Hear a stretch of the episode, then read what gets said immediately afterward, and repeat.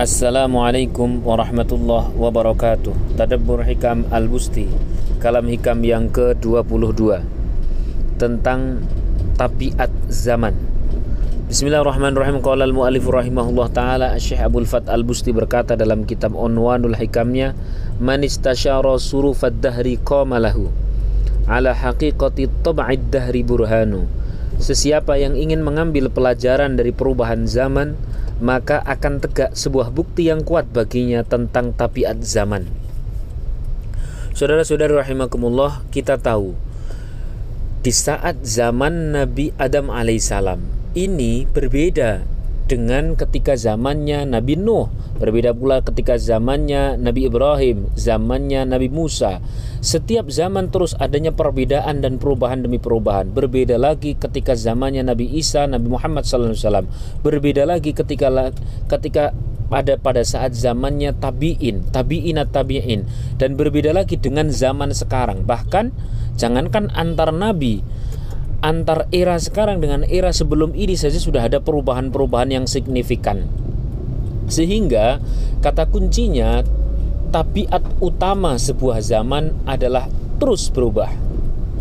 Karena terus berubah, maka menuntut diri atau manusia yang ada pada zaman tersebut menuju pada zaman berikutnya pun menuntut agar dirinya berubah menyesuaikan zaman yang ada.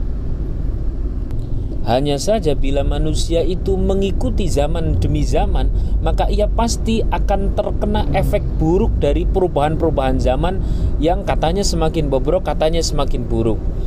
Lalu pertanyaannya bagaimana agar zaman yang terus berubah ini diri kita tetap dalam kebaikan?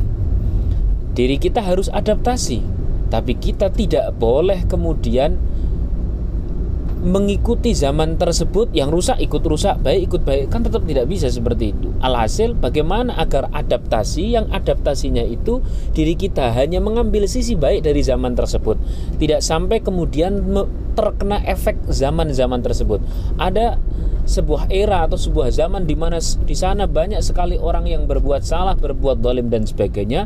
Apakah yang disebut mengikuti beradaptasi dengan zaman kita ikutan dolim? Kalau semuanya sudah maaf kadang-kadang ada orang berkata zaman ini zaman itan ora itan ora ketuman kan begitu. Maka apakah kita mengikuti yang seperti itu? Tentunya tidak. Lalu bagaimana adaptasi yang seperti apa yang sehingga diri kita ini mendapatkan ilmu pelajaran kebaikan dari zaman walaupun zaman tersebut sedang buruk-buruknya? Jawabannya adalah bertakwa dalam perubahan zaman seperti apa pun orang di zaman Nabi Adam, zaman Nabi Ibrahim, zaman Nabi Musa, zaman Nabi Muhammad perubahan zamannya signifikan. Tapi hal itu perubahan itu tidak akan begitu berefek keburukannya bagi orang yang bertakwa. Orang ada di zaman Nabi Adam bertakwa, di zaman Nabi Muhammad bertakwa, di zaman setelah zaman akhir ini pun bertakwa, maka orang tersebut tidak akan terkena efek buruk dari perubahan-perubahan zaman tersebut. Bahkan kalau ada orang yang sering mengungkapkan hadis-hadis tentang akhir zaman bahwa akhir zaman itu nanti akan terdapat banyak sekali kerusuhan, kekisruan, akan ada eh, munculnya ini itu dan sebagainya, sebenarnya pesan utamanya bukan itu. Pesan utamanya bukan masalah perang, bukan masalah ini. Pesan utamanya adalah bertakwalah. Takwa itu apa? Takwa adalah menjalankan perintah-perintah Allah dan meninggalkan larangan-larangannya.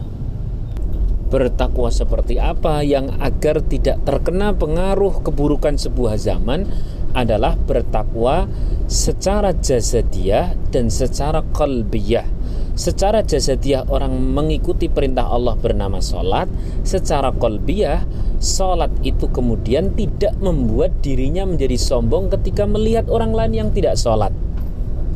Sebab bila kita tidak memperhatikan ketakwaan yang ada di dalam hati kita Maka sama saja diri kita masih akan terkena keburukan sebuah zaman.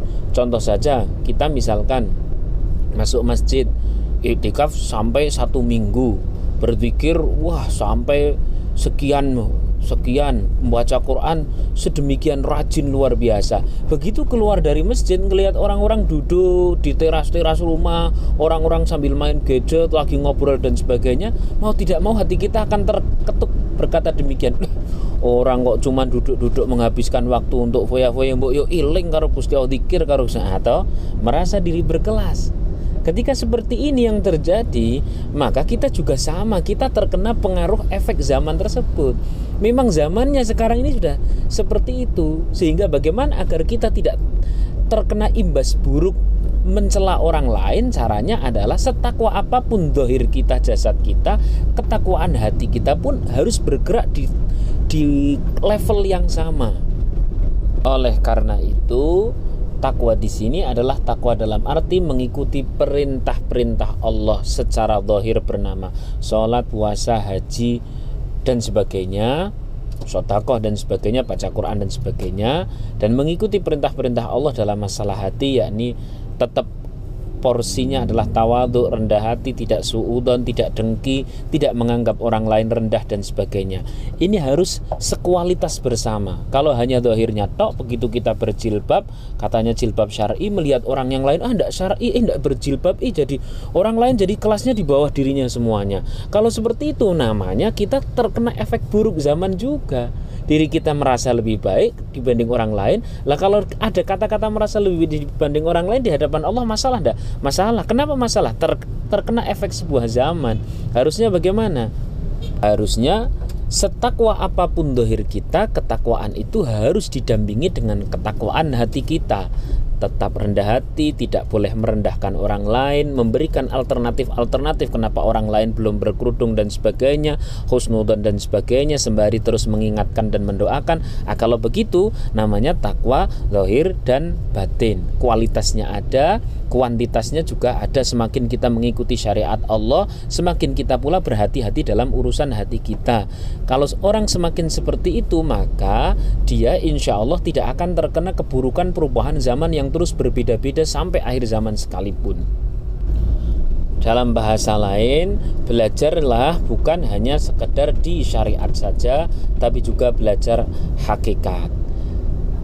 Ha, melihat orang lain dengan kacamata hakikat, melihat diri sendiri dengan kacamata syariat. Dengan melihat diri sendiri menggunakan kacamata syariat, maka diri kita akan lebih berhati-hati, akan lebih ketat pada diri kita sendiri, akan lebih rajin dan sebagainya. Sementara kalau melihat orang lain dengan kacamata hakikat, berarti kita akan senantiasa husnudon kepada orang tersebut yang husnudon itu tidak akan menggelincirkan diri kita sendiri kena perubahan zaman yang memang sudah seperti ini. Ya, kalau soal dakwah tetap berdakwah, namun dakwahnya bil hikmah wal mau'izatil hasanah. Kapan-kapan nanti kita bahas masalah dakwah. Sekian dulu hikam uh, kalam hikam untuk kali ini, hikam 22 semoga bermanfaat. Kata kuncinya perubahan zaman yang terus bergulir seperti itu tidak akan berpengaruh besar, tidak akan memberikan efek buruk bagi orang yang bertakwa, yang takwanya adalah secara jazadiyah dan sekaligus secara kolbiah. Demikian semoga manfaat. Bila itu hidayah. Assalamualaikum warahmatullahi wabarakatuh.